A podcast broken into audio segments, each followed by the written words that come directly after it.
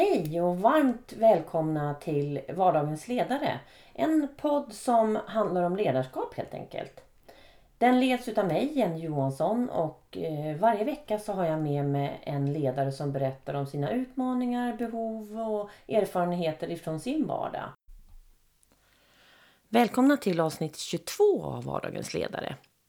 22 avsnitt, tiden går så otroligt fort. Men det är väldigt, väldigt givande det här. Hoppas ni också tycker det. Så eh, fortsätt gärna tala om för mig hur ni tycker att jag ska eh, utveckla den här podden och eh, vilka gäster ni tycker att jag ska ha med mig. Jag eh, hoppas också att ni har haft en fantastisk vecka. Själv har jag jobbat jättemycket med eh, den här appen jag har nämnt tidigare som handlar om ledarskap. Och då handlar det om möten och telefonmöten och möten och telefonmöten. Men jag gillar att nätverka så det är jättekul och spännande faktiskt. Eh, veckans utmaning har vi ju på Makat i åtta veckor och nu är vi faktiskt framme vid sjunde veckan. Och det handlar om tydligt ledarskap. Och att man funderar, ner, att man funderar och skriver ner hur, hur du kommunicerar för att vara tydlig med vad du vill och vilka mål ni har. Så börja med att skriva ner det. Och sen kan du fortsätta med att skriva vad och hur du kommunicerar, hur du gör för att klara av att vara tydlig. Att vara tydlig i sin kommunikation, det skapar trygga medarbetare och man får samma bild eh, av var och vart man ska nå någonstans. Och många pratar ju ibland om att ja, men jag är alldeles för snäll. Och, men vad är motsatsen till snäll? Ja, det är i alla fall ingenting man vill gå mot. Så att eh, jag tycker att ett ord som tydlig kanske blir lite lättare att hantera här. För man vill ju inte vara otydlig. Så det kanske är lite lättare att jobba sig mot att vara tydlig. Jag vill tacka våran sponsor eh, Vass Kommunikation i det här jobbet med våra utmaningar. Alltså, ni har gjort ett otroligt eh, bra jobb. Framförallt så sparar ni ju min tid. Just det här att eh, formulera alla utmaningar, göra bilderna, lägga ut dem på alla olika sociala medier på olika sätt. Alltså helt underbart. Tack Vass kommunikation. Den här veckan så kommer ni få träffa Charlotte Sander som driver eh, relationsexperten. Hon jobbar som samtalsterapeut och det här ingår ju i de här två avsnitten som handlar om att leda sig själv. Just det här med att man behöver veta vem man är för att kunna leda andra också. Och det här med vem är jag? Ja, det är ju faktiskt en färskvara, säger Charlotte Sander. Man ändras och utvecklas hela tiden. Men Charlotte är en fantastisk människa och eh, under det här samtalet så fick jag massa med olika aha-upplevelser och det tackar jag verkligen dig Charlotte för. Och eh, nu ska ni få lyssna på Charlotte, så välkomna återigen. Hej!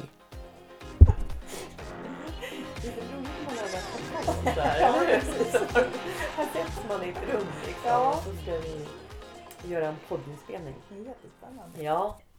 Charlotte Sander, välkommen till Vardagens ledare. Tack. Spännande att du ville komma till mig. Tack för att jag får komma. Eh, jag har verkligen sett fram emot det här mötet. Mm, vi har haft lite telefonsamtal också. Ju, och, mm. mm. Du har ju en spännande bakgrund. Men berätta lite, vem är du? Ja, i första hand så är jag människa.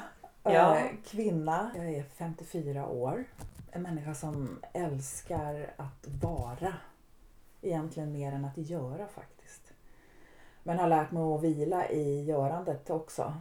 Lite yttre så, så har jag tre hundar, man, barn och barnbarn och sådär. Härligt! Ja.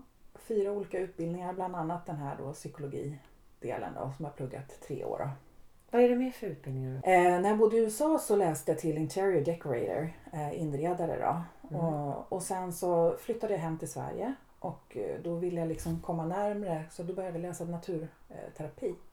Alltså lära mig om kroppen och så vidare under flera år. Mm. Och sen så hade jag då patienter som det heter och så upptäckte jag att nej men det är någonting, jag måste lära mig mer om psykologin bakom det här och jag ser att människan säger någonting men det kanske egentligen betyder någonting annat. Så då läste jag tre år psykologi då. Mm. Och så jobbade jag med det.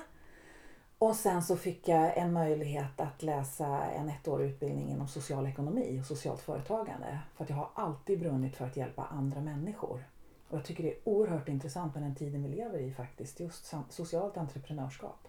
Det är ett stort behov idag faktiskt. Verkligen. Mm. Många som gör väldigt, väldigt goda insatser. Ja, verkligen. Mm. Och det har spridit sig fort tycker jag. Och, Mm. poppar upp mer och mer och mer. Och kloka idéer och sådär. Så att, Mm. Spännande. Ja.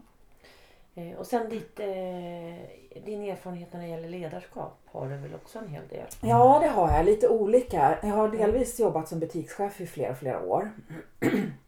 Och sen så har jag inom familjen så har vi ju drivit företag då och eh, kommit väldigt nära där hur relationer kan se ut och vad som funkar och inte funkar och så vidare. Mm. Så att, och nu idag så driver jag eget själv då. Ja just det. Hur Mm. länge har du gjort det? Ja, alltså jag har drivit det i flera år i mer under hobbyform och haft eh, faktiskt, jag jobbade som eh, kreativ utvecklare på ett företag samtidigt som jag drev då relationsexperten. Ja, okej. Ja, Ja. men sen ett år drygt tillbaka så driver jag Sanders relationsrådgivning då, Mm. fullt ut. Mm. Och det är ju alltid spännande att våga ta det där steget, eller Ja, fy, det är och det är läskigt fortfarande. Mm, är det så? Eh, Känner du det? Ja, fast det är läskigt, roligt läskigt. Mm, just det. Ja, det pirrar liksom varenda dag därför att jag vet inte riktigt. Jag har ju många områden som jag jobbar inom också. Mm. Så att, eh, Men det handlar ju mycket om att leda sig själv. Mycket, Ja. verkligen. Eh, Men berätta lite mer om eh, relationsexperten. För vad är, det, vad är det du tycker är viktigt när det handlar om det här med att leda sig själv? Tänker du på själva sajten nu eller? Ja, jag tänkte, ja just det. Jag berättar Mm. lite strukturen runt. Ja, alltså den började faktiskt för att jag gick igenom en stor kris för sju år sedan. Eh, Mitt liv kraschade totalt. Och jag började skriva av mig på en sajt, jag jag kommer inte ens ihåg vad den heter idag. Och, och ganska snabbt så fick jag in frågor. Vad, Eh, vad skrev du om? Jag skrev väldigt om mitt, personligt? Ja, väldigt, ja alltså personligt fast bara utifrån mig. Ja, jag hängde inte ut människor så. även Fast, Nej. fast egentligen i grund och botten så handlade det faktiskt om kraschade relationer. I Mm. det djupaste så att säga. Och i den, det, det sveket jag kände i det och så vidare. Mm. Men som sagt, jag fick ganska snabbt in frågor. Och så tänkte jag, ja men det här kanske man kan göra någonting utav. Så då startade jag relationsexperten.se. De här frågorna du fick in, var- det att folk inte förstod eller var det att de kände igen sig? Eller vad var det för sorts frågor som gjorde att du Ja, tog det vidare? Inte att de inte kände igen sig, det tycker jag nästan aldrig jag får uppleva. För att idag är det ju så att jag driver den och får ju massor med frågor. Utan det är mer funderingar kring deras relationer som Ah. de vill ha en feedback på. Och det är så som det har varit genom de här, vad är det nu, sex åren som jag har Mm. drivit den så att säga.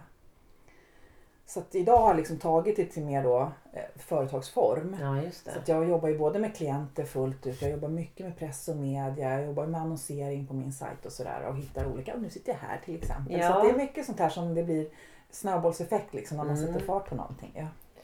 Men jo, och jag hittar ju, jag reagerade ju också på dina inlägg och så. Jaha, okej. Ja.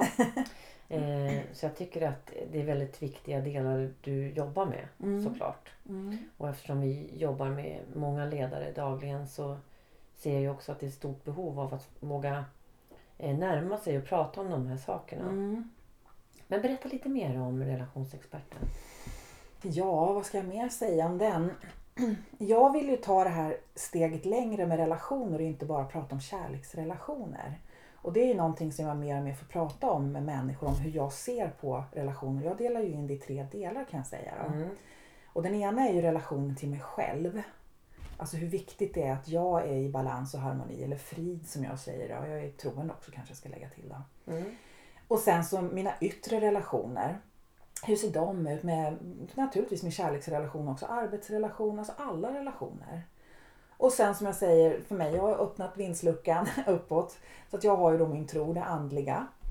Eh, och jag brukar säga det att när de här tre är i ett rakt led ner, då kan jag känna glimtar av lycka. Mm. Annars pratar jag väldigt sällan om lycka för jag tycker det är ett förstört ord. Och framförallt så tycker jag vi söker det på så mycket yttre saker. Mm. Och då förstår du ju själv att, aha, hej du, lyckas man hålla det här tre balans? Men det, det klarar man ju inte så ofta utan jag får jobba mycket, man får jobba mycket med sig själv och sina relationer runt omkring och även det andliga när man tror på det. Då. Ja, för det är ju inte så att du är olycklig resten av tiden. Nej. Men jag har ingen fokus på det överhuvudtaget Nej. egentligen. Utan jag blir överväldigad av den här känslan när den kommer. Mm. Att åh, idag är det bara sådär totalt fri liksom. Mm. Jag har- inte någonting som stör mig på mig själv. Och mina relationer är liksom lugnt runt omkring och jag känner att det är harmoni uppifrån också. Men jag tänker på det här med eh, att störa sig själv. Va, vad är det för... Vad är det som gör att du hamnar där? Att du inte stör på dig själv. Va, vad är det för delar, vad är det för insatser man behöver jobba med? Att när jag inte stör mig på mig själv. Eller när, men ja, för, att, stör kom, mig. för att Ja. komma till att Ja, liksom nog- känna harmoni med Ja. sig själv. Vad, vad är det som krävs av oss? Vet du, jag skulle egentligen på det djupaste säga förlåtelse. Mm. Faktiskt alltså.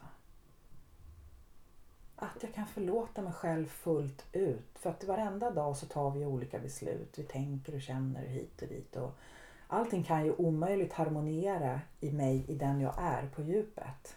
Men när jag kan känna den där fullständiga förlåtelsen. Då, då är det lugnt liksom. Mm. Vad spännande. Mm. För det eh, När du pratar så här så låter det så eh, självklart. Mm. Men hur kommer man till att veta vem man är här inne? Men du vet att veta vem du är, Ja. det är ju faktiskt en färskvara. Eftersom vi hela tiden förändras. Och det där, där i ligger också arbetet hela tiden. För att stämma av, stä, när, om, om vi möts till exempel, eller om jag möts av en fråga eller en Mm. tanke. Men vänta nu, hur klingar det här an i min själ, eller jag ska säga, eller den jag är, eller den jag vill vara? För vi har ju säkert mål alla med, eller hur? Ja men Vi verkligen. vill ju förbättra oss, Mm. förändra oss och så vidare. Men att ibland går det så fort, speciellt med den tiden vi lever i, så att vi tappar oss själva. Mm. Och det är därför jag tänker att det här är så viktigt. Och för mig när jag säger de här tre delarna, de kom ju till mig i den här stora kraschen som jag berättade om för sju år sedan. När hela mitt liv bara så. Mm. Och en stor, stor ensamhet stod som du vet så här framför mig. Vad, vad, vad innebär det? Att du Ja, alltså en ensamhet. tappar du alla? Eller? Absolut. Ja, jag kollapsade ju på det yttre Ja. verkligen. Alltså, jag fick en utmattningsdepression. Ja. Men jag ville inte ha några tabletter eller någonting för att den här smärtan hade jag duggat lite på mig under många, många år. Ända sedan barnsben egentligen ska jag säga. Och nu stod den här som bara så här jättedörr. Mm. Och jag bestämde mig där och då att nej, men nu öppnar jag den här smärtans dörr. Vad händer då? Ja, det gjorde ont. Mm. Jag kröp ihop i fosterställning många gånger kan jag säga. Och först blev jag rädd för ensamheten. Den här djupare ensamheten. När man liksom inte har någon, man vet inte. Jag hade inte ens mig själv. Och det var jättejobbigt. Men jag satte med den på att nej, men nu står jag kvar i det här. Och det gjorde jag. Och hur, hur kan du berätta lite mer sådär? Vad, vad gjorde du då när du gjorde Jag fick börja om. Ja. Jag fick börja om fullständigt med alla, alltså ifrågasätta mig själv. Alla tankar, känslor, ansvar, vad jag skulle ta på mig själv och vad jag inte skulle ta. Vet du, till och med på det yttre så var det så här att, för att jag låg på soffan ett halvår ska jag säga, så jag Mm. kom inte upp. Nej. Jag lodade bara, så så att jag såg ut. Det, Så det är liksom, tråkigt. Ja, Ja. eller Eller, intressant. eller ja, just Liksom. nu, nu kan Nu man kan jag ju tycka, ja. säga så ja. Men jag fick till och med, det här kanske låter konstigt, men jag fick till och med svårt att gå. Så jag fick lära mig att gå. Mm. Och då tittade jag på hur småbarn började lära sig gå. Mm. Så det gjorde jag. Det var så djupt. Så var det liksom. Mm. Så där är början och det här får jag prata väldigt mycket med mina klienter om att smärtan är vägen. Säger Roberto Assagioli som är psykosyntesens fader. Och jag brukar lägga till smärtan är vägen till läkande. Men vi behöver liksom se bortom den här, liksom, vi behöver inte vara rädda för smärtan för vi tänker att "Åh, jag överlever inte det här. Jag får svårt att andas och det är alla fysiska och man bara nej, jag gör hellre det här så springer vi vidare. Mm. Men att våga stå kvar och när dörren kommer som det står smärta på. Det här ordet smärta vi pratar om. Ja. Kan vi liksom sätta några mera begrepp runt det så att det blir lite mer lättare att... Jag, tänk, jag tänker ju ångest är ju ett vedertaget ord. Mm. Är, är det sån smärta du pratar om? Vad är det mer för smärtor? Ja men alltså jag tror att vi är många som känner oss övergivna, Ja, ensamma. det är ju en, Ja. en smärta. Ja. Smärtan det här som jag pratar om förlåtelsen Mm. också, att man inte känner sig förlåten eller att man själv är oförmögen att förlåta. Det är också en otroligt smär- stor smärta Mm. i det liksom. Att det handlar mycket om att man tar på sig för mycket skuld. Att gör Till sig själv exempel. till en, till ex, som Ja, ett exempel. Ja, Ja, Mm, precis. jag förstår. Mm. Så det är någonting jag verkligen pratar med mina klienter om. Och, Ja, och det här händer ju mentalt. Mm. Och det satte sig även på din fysik. mm, Mm. det gjorde det. Men eh, det är ju många, eftersom du pratar om det här, det, var, det är ju jättemånga som frågar dig saker och, Mm, eh, och tar hjälp utav dig nu också. mm, Och då tänker jag, så det måste väl vara många som är här mm, och, och, och rör sig mm, kanske liksom i olika tillfällen också. Jag tänker, det behöver ju inte vara att man jämt är sån utan det kanske händer någonting så att man de flesta av oss har ju säkert någonstans, någon gång varit mm, nära här. mm. Hur, hur, eh, hur känner man att man skulle behöva kunna ta hjälp av någon? Hur, hur, jag tänker så här att eh, du pratar ju mycket om att välkomna den här smärtan för Mm. att kunna ta sig vidare. Ja, precis. Men man kanske inte klarar av att hantera Nej. det själv. Ex, exakt, och det, det kan jag säga att hade jag haft någon i den stunden, då hade jag tagit hjälp. Som sagt och nu har jag ju min tro, som Mm. det händer massa grejer med också. Den hjälpte dig mycket. Verkligen, och det Mm. vet vi ju att i kriser och sådär så vänder ju många sig till det andliga. Men nu Mm. hade jag ju en tro sedan tidigare men den verkligen fördjupades kan jag säga. Mm. Men absolut om jag hade haft någon som hade kunnat hållit i mig kanske lite och stöttat mig och sagt att det här är inte farligt. Du kan gå igenom den här dörren, du kommer inte att dö. Det hade ju varit fantastiskt. Mm. Och den försöker väl jag vara lite idag då med de medmänniskor som jag möter. Att Mm. du behöver inte vara rädd för det här. Sen är det naturligtvis på väldigt många olika nivåer med människor som söker mig. Jag kan inte kanske säga rätt upp och ner, nu ska du bara öppna dörren, tjabba, sen syns vi sen. Gud vad skönt. Ja, det hade varit härligt. Ja, precis, tralla igenom henne bara. Nej, men utan man får ju ta det för Ja. precis det du säger. Att vi, beroende på vilken, Mm. vilket läge eller nivå men den här personen är på och vill vara på framför allt. Det är ju jätteviktigt. Ja, för det du eh, hamnade i eh, och det är säkert många som gör det också att det blir en Ja, du kallar att man gick in i, i det var som en dörr bara helt Mm. framför. Men det kan ju också den här smärtan kan ju också vara att den liksom kommer lite smygande och Mm. man börjar, börjar tangera just det här att, eh, att tänka att man inte duger och att man gör fel. Och, Mm. eh, just det här att man kanske känner sig sviken, övergiven. Och jag kopplar det också till som chef och ledare är du ju ofta själv. Mm. Så du får ta mycket av de här, om vi nu ska ka- kan vi värdera små sakerna. Mm. Men det som sen bygger till någonting mycket större som inte alls är så, så, så smått. Liksom. Mm. Hur, hur, ska, jag- hur ska jag lära mig att känna igen det här? Eller om du har något knep, så här, hur, hur ska jag hantera det? Mm. Alltså jag tror att det är svårt när det bara touchar lite här och där faktiskt. Och jag tror att vi är så funtade att vi väljer nog omvägen kring den här smärtans dörr som jag pratar om då.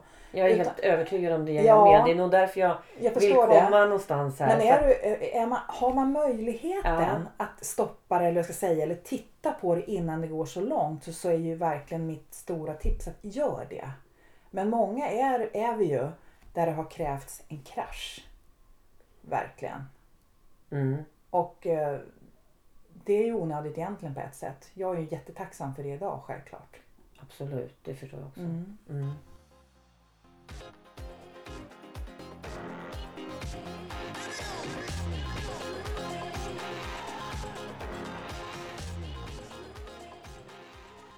Det du säger är ju egentligen att vi ska inte vara så rädda för den här smärtan men Mm. att vi kanske inte ska smita ifrån den.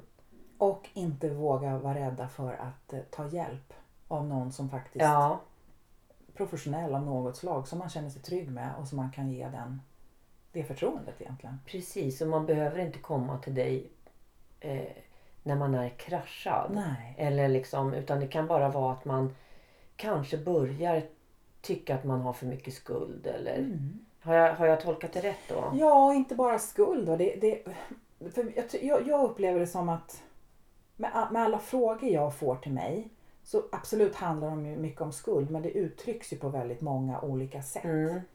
Eh, mycket också oförlåtelse och jag kan inte förlåta honom eller henne, han gjorde det här och det här och det här liksom. Just det. Ja. Hur, hur löser man det där? Mm. då, då är det ju, jag jobbar ju mycket med hur, hur, hur man ska identifiera personen först om det är intellektuellt eller känslomässigt inriktad person. Och sen får man ju ta den resan tillsammans helt enkelt. Mm.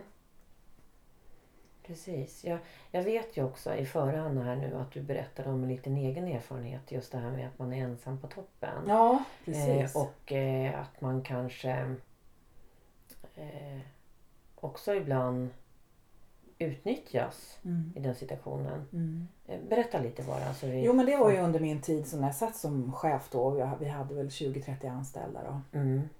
i det här familjeföretaget som jag berättade om tidigare. Eh, och jag hade min närmsta, eh, min, min, den chefen som var närmast mig så att säga. Och jag öppnade mig för henne. Mm. För att jag tänkte att det här, hon kan hålla förtroendet och så vidare. Men det fick jag ju veta sen efteråt. Att det inte alls hade gjort. Så det var ju, alltså jag hade ju ett behov av att prata med henne för att jag kände mig så ensam. För att jag inte kunde hitta lösningen. Hur ska jag behandla eller hur ska jag, hur ska jag bemöta den här anställda som kanske inte sköter tider eller vad det nu är för någonting, går tidigare eller vad det kan vara.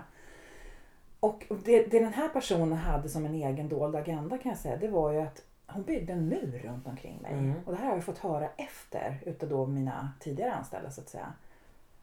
Och då kan man ju tänka, aha men hon gjorde ju det för att skydda dig. Men det var ju inte så. Utan hon byggde ju sin egen lilla hierarki, eller vad jag ska säga.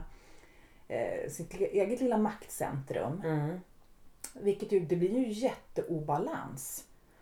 Och här, tittar jag på det idag. nu ska jag säga något som kanske låter konstigt. Men tänk om jag hade haft en sån som jag är idag. Som jag hade kunnat prata med. Förstår du vad jag menar? Så hade ju det kanske varit lite lättare. Ja. Ja, Mm. att, att, att, att få komma till en mentor eller någon professionell där man får som chef leva ut hela det här. Mm. Tala om att Bengt är så dum nu så att det går inte. Liksom, Mm. jag klarar inte av det här längre. Där jag tror ju att skulle vi prata vidare så kommer det hamna ham, ha, handla om chefens egna inre värderingar och så vidare. Just det. Där det sen kan leda till att, ja men just det. Man kan hitta den här ovillkorliga kärleken som jag tror vi alla har inom oss. Mm. Först till mig själv och sen till mina relationer runt omkring. Vilket i sig gör att jag kommer kunna hantera Bengt på ett helt annat sätt. Jag brukar säga att den ovillkorliga kärleken är ju, kan ju vara väldigt gränssättande. För att man älskar, för att man brinner kanske för människor. Mm. Och det här är svårt att veta för är man till exempel en gränslös person så har man jättesvårt med det här. För då kommer skulden som du pratar om. Mm, just det. Man tänker, Ja. är du med?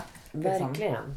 Och jag tänker också just det här för att eh, det är ju många som sitter i den här sitsen och inte vågar öppna sig för, fin, för sina medarbetare. Mm. Men så, så det du berättar, din, din historia och din erfarenhet. Mm. Det är ju egentligen att man skrämmer att, att berätta för någon annan. Men det var ju inte det, det. Det det handlade om egentligen var ju att det hade varit om du hade lärt känna dig själv och känt dig själv så som du känner idag. Mm. Så hade ju inte den där situationen uppstått. Nej, precis. Nej, Och jag hade inte varit rädd för att ta hjälp av exakt. en utomstående då. Som man kan öppna sig för och Mm. säga. För det tror jag är jätteviktigt. Mm. För det handlar just om ledarskapet för att vara en balanserad eh, chef utåt.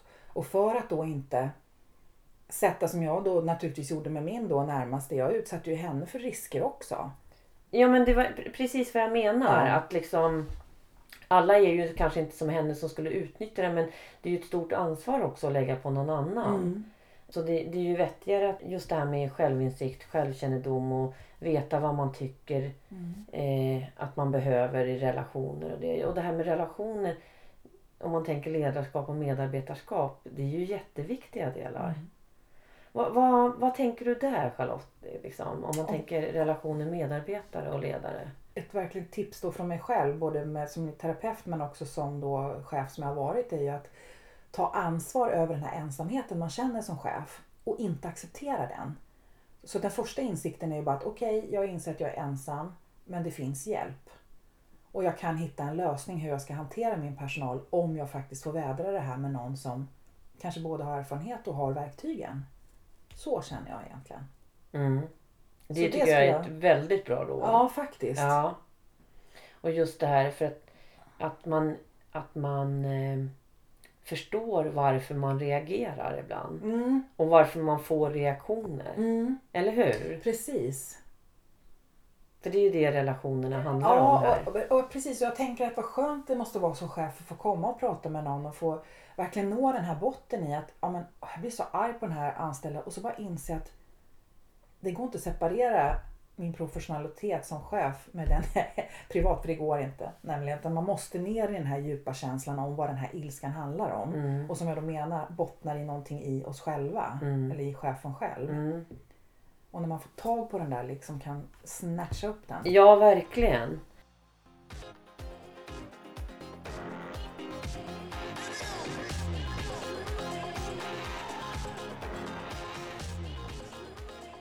Lite mer om dig Charlotte, det här med balansen i- dig själv. Mm. De här tre delarna. Mm. Vad, hur har du jobbat dig fram med det här? Ja, men alltså precis som jag sa den här stora kraschen då, den satte ju fart på hela processen i mig själv. Där naturligtvis var tvungen att backa bandet väldigt långt tillbaka och dela upp och vara i både den smärtan och den sorgen som det innebar med det här med Mm. de avslutade relationerna som jag säger då. Sen efter det när jag kände att ja, men nu, nu, bör, nu har jag läkt och hittat någon slags balans och jag tycker faktiskt om mig själv, jag älskar mig själv till och med. Då var jag tvungen att ta nästa steg. Ja, Hur känns det att säga det där idag? Jag blir bara Att jag älskar mig själv? Ja, Det är stört skönt. Alltså jag, jag tycker om att säga det. Ja. Jag är stolt över att kunna säga det idag. För Ja, men mitt, verkligen. ja, mitt liv har sett helt annorlunda ut förut. Så det är Mm. jätteskönt. Alltså. och det syns på hela dig när du Ja, säger det också. Ja, bra. Ja. Sen var nästa steg då i den processen, i den perioden, att titta på mina relationer runt omkring. Vilket innebar att jag avslutade väldigt många relationer ska jag säga. Oj. Ja, Mm. nej men därför att det, jag insåg att det har inte varit bra. Alltså det, det går inte. Och jag öppnade dörrarna några gånger men det var samma beteende och mönster och kände bara nej, det här går inte. Och framförallt handlar det om att jag kommer inte kunna gå vidare i det som jag kände var mitt syfte. För jag hittade ju det, det är alltså det jag gör idag, hittar jag ju i den här krisen så att säga. Mm. Som jag då kallar mitt syfte här på jorden. Liksom. Eh, och det, var- det var först blandat med någon slags skuld kan jag ju säga. För att, ja, får man göra så här? Kan man verkligen avsluta såna här relationer? då? Ja, för vad hände med de relationerna? Vad fick du för gensvar på det? Tystnad. Det var tystnad. Ja, tystnad. Och det är ju ett svar nog kan jag tänka. Med människor som man kanske tänker om något ska höra av sig. Opponera sig kanske? Ja, eller? liksom ja. ta tag i det och liksom Mm. i den typen av relation som det handlar om i det här fallet. Då. Mm. Och, men sen i alla fall efter det ett tag så, så kom det en sån här otroligt skön befrielsekänsla. Att jag bara tittade både på allt, alltså allting runt omkring. Men jag är ju fri.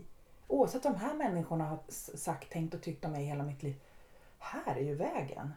Och det här blir väldigt liksom motsägelsefullt. För speciellt vi, tycker jag, ursäkta att jag säger det, men vi svenskar, vi är ganska Alltså de här närmaste relationerna, nej man gör inte så här. Så jag har ju blivit otroligt dömd efteråt. Men där jag vet att nej, men det här är vägen för mig. För att det har landat i mig. Mm. Men idag är du så stark så att du kan känna att det gör ingenting att folk kommer med Nej, kommentarer eller påhopp nej. eller... nej, men hade jag inte hittat mitt syfte i det här. Mm. Då hade jag kanske blivit helt knäckt. Men i och med att jag har en annan, alltså jag, min blick är på något annat. Jag vet vart jag ska liksom. Hur känns det där? Ehm, lite skakig blir jag liksom för att det är så spännande. Mm. Och eh, för att jag har så mycket grejer som jag känner som jag ska hinna utföra liksom innan min tid är klar Mm. här. Sen vad det gäller andliga, det vill jag säga att det är så stort på ett sätt men det är så litet på ett sätt. För att det handlar om i lilla mig samtidigt som det handlar om det stora yttre som vi är med. Så det är ju en, en, en resa som är oändlig skulle jag vilja Mm. säga egentligen. Vilken respons får du ifrån dina klienter när du pratar om och lyfter fram de här sakerna? Hur, hur responderar de på det här? En del blir väldigt rädda Mm. och förstår nog storheten i dem själva men vågar inte öppna den dörren för att det är ju läskigt på ett sätt. Mm. Men, men får väl någon slags längtan och där de tragglar hit och dit och en del vågar öppna vidare sen men andra avslutar. Så att det är lite som. Och jag måste säga det, det är inte att jag hoppar på varenda en och liksom, nu ska vi köra det här utan det är ju helt beroende på. Så som jag tolkar dig nu, Charlotte, Mm. du, säg till om jag eh, har gått fel i det här, men jag tolkar det som att du vill eh, lyfta dem i sin person och göra dem att de är ju en del utav allting och de är ju jätteviktiga. Så tolkar jag det. Ja. Så det är de som är stora. Så att, så att för mig blir det ju lite ledsamt om man inte vågar öppna upp för att man själv är så pass stor. Mm. Eller hur? Men det kan också vara att, att anledningen till att man inte vågar göra det kan ju vara att man får en, en, eh, en touch av att man vet att man kommer att möta en stor ensamhet till en början på den resan. Mm. Och ensamheten skrämmer de flesta. Ja. Inte ensamheten kanske att sitta ensam i ett rum utan ensamheten i sig själv. Mm. För där kan man vara ganska lost. Men be- behöver man inte att vara där lite grann för att hitta sig själv? Jo, det Mm. behöver jag fortfarande. Mm. Jag måste tillbaka, eller tillbaka blir det ju inte, men jag, jag måste gå in där Mm. eh, ganska ofta skulle jag vilja säga. För idag så hämtar jag ju kraften där och jag är inte rädd för den ensamheten längre. Nej. Och det handlar väl just om det här med självkännedom som Mm. du, du rör vid. Ja, för faktiskt. det är ju det jag kopplar till. Ja. eh, Om man tänker ledarskap. Ja. Om vi ska vara så ytliga och prata men det är ledarskap. viktigt. Men det handlar ju om människor. Mm. Det handlar ju om mig som ledare då. Mm. Så att om jag inte vet hur jag mår. Mm. Så om jag vet hur jag mår så blir det ju lättare för mig att hantera saker. Mm. Och då blir det ju lättare att finna den här harmonin du pratar om. Mm. I relationer och... Ja men precis, tänk vad skönt att ha en ledare som inte är rädd för sin egen ensamhet. Ja men verkligen. Förstår du vilka, Mm. vilket verktyg ut mot den anställde som Mm. kanske inte hör, känner sig hörd, bekräftad, ingenting och kommer då till chefen. Så bara känner man så här, ja men det här, okej. Nu tar vi ett steg i taget. Mm.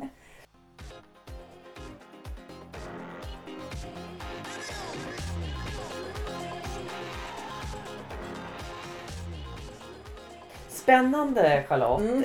Så jag, det är mycket tips vi har fått här nu. Mm. Eh, men jag är lite nyfiken nu på tre ord som du eh, eh, vill förknippas med. Mm. Till dig som person. Mm. Mm. Jag är kreativ. Eh, väldigt kreativ. Ehm, idag en fridfull person skulle jag säga. Fortfarande väldigt nyfiken. Det blir nog mina tre ord tror jag. Mm. Kreativ, eh, kan du berätta lite Ja, hur alltså det jag- kan te sig? Ja, oh ja. Oh ja, oh ja. Alltså det, är, det är lite det här tända lightbulben, vad heter det, 10 000 gånger liksom. Man misslyckas, man kör på i alla fall liksom. Ja. Eh, Jag är fullständigt orädd för nya utmaningar och jag älskar när det dyker upp nya saker. Som det här Mm. till exempel. Det här är jätteroligt också. För ja. Eh, Så att, och hitta på saker och, och testa gärna nytt och så. Faktiskt. Och jag älskar din blus också. Den, den, den tycker jag visar mycket kreativitet. Ja, den gör det. Eller man blir nästan snurrig. Den är jättesnygg. Ja, tack. Men Charlotte, tiden går fort eh, Mm. och jättespännande och eh, mycket spännande för mig att få sitta här och prata om det här med dig. Tack för att jag fick vara här. Ja. Verkligen. Så fortsätter vi att prata vidare. Vi gör det. Ciao! Ciao.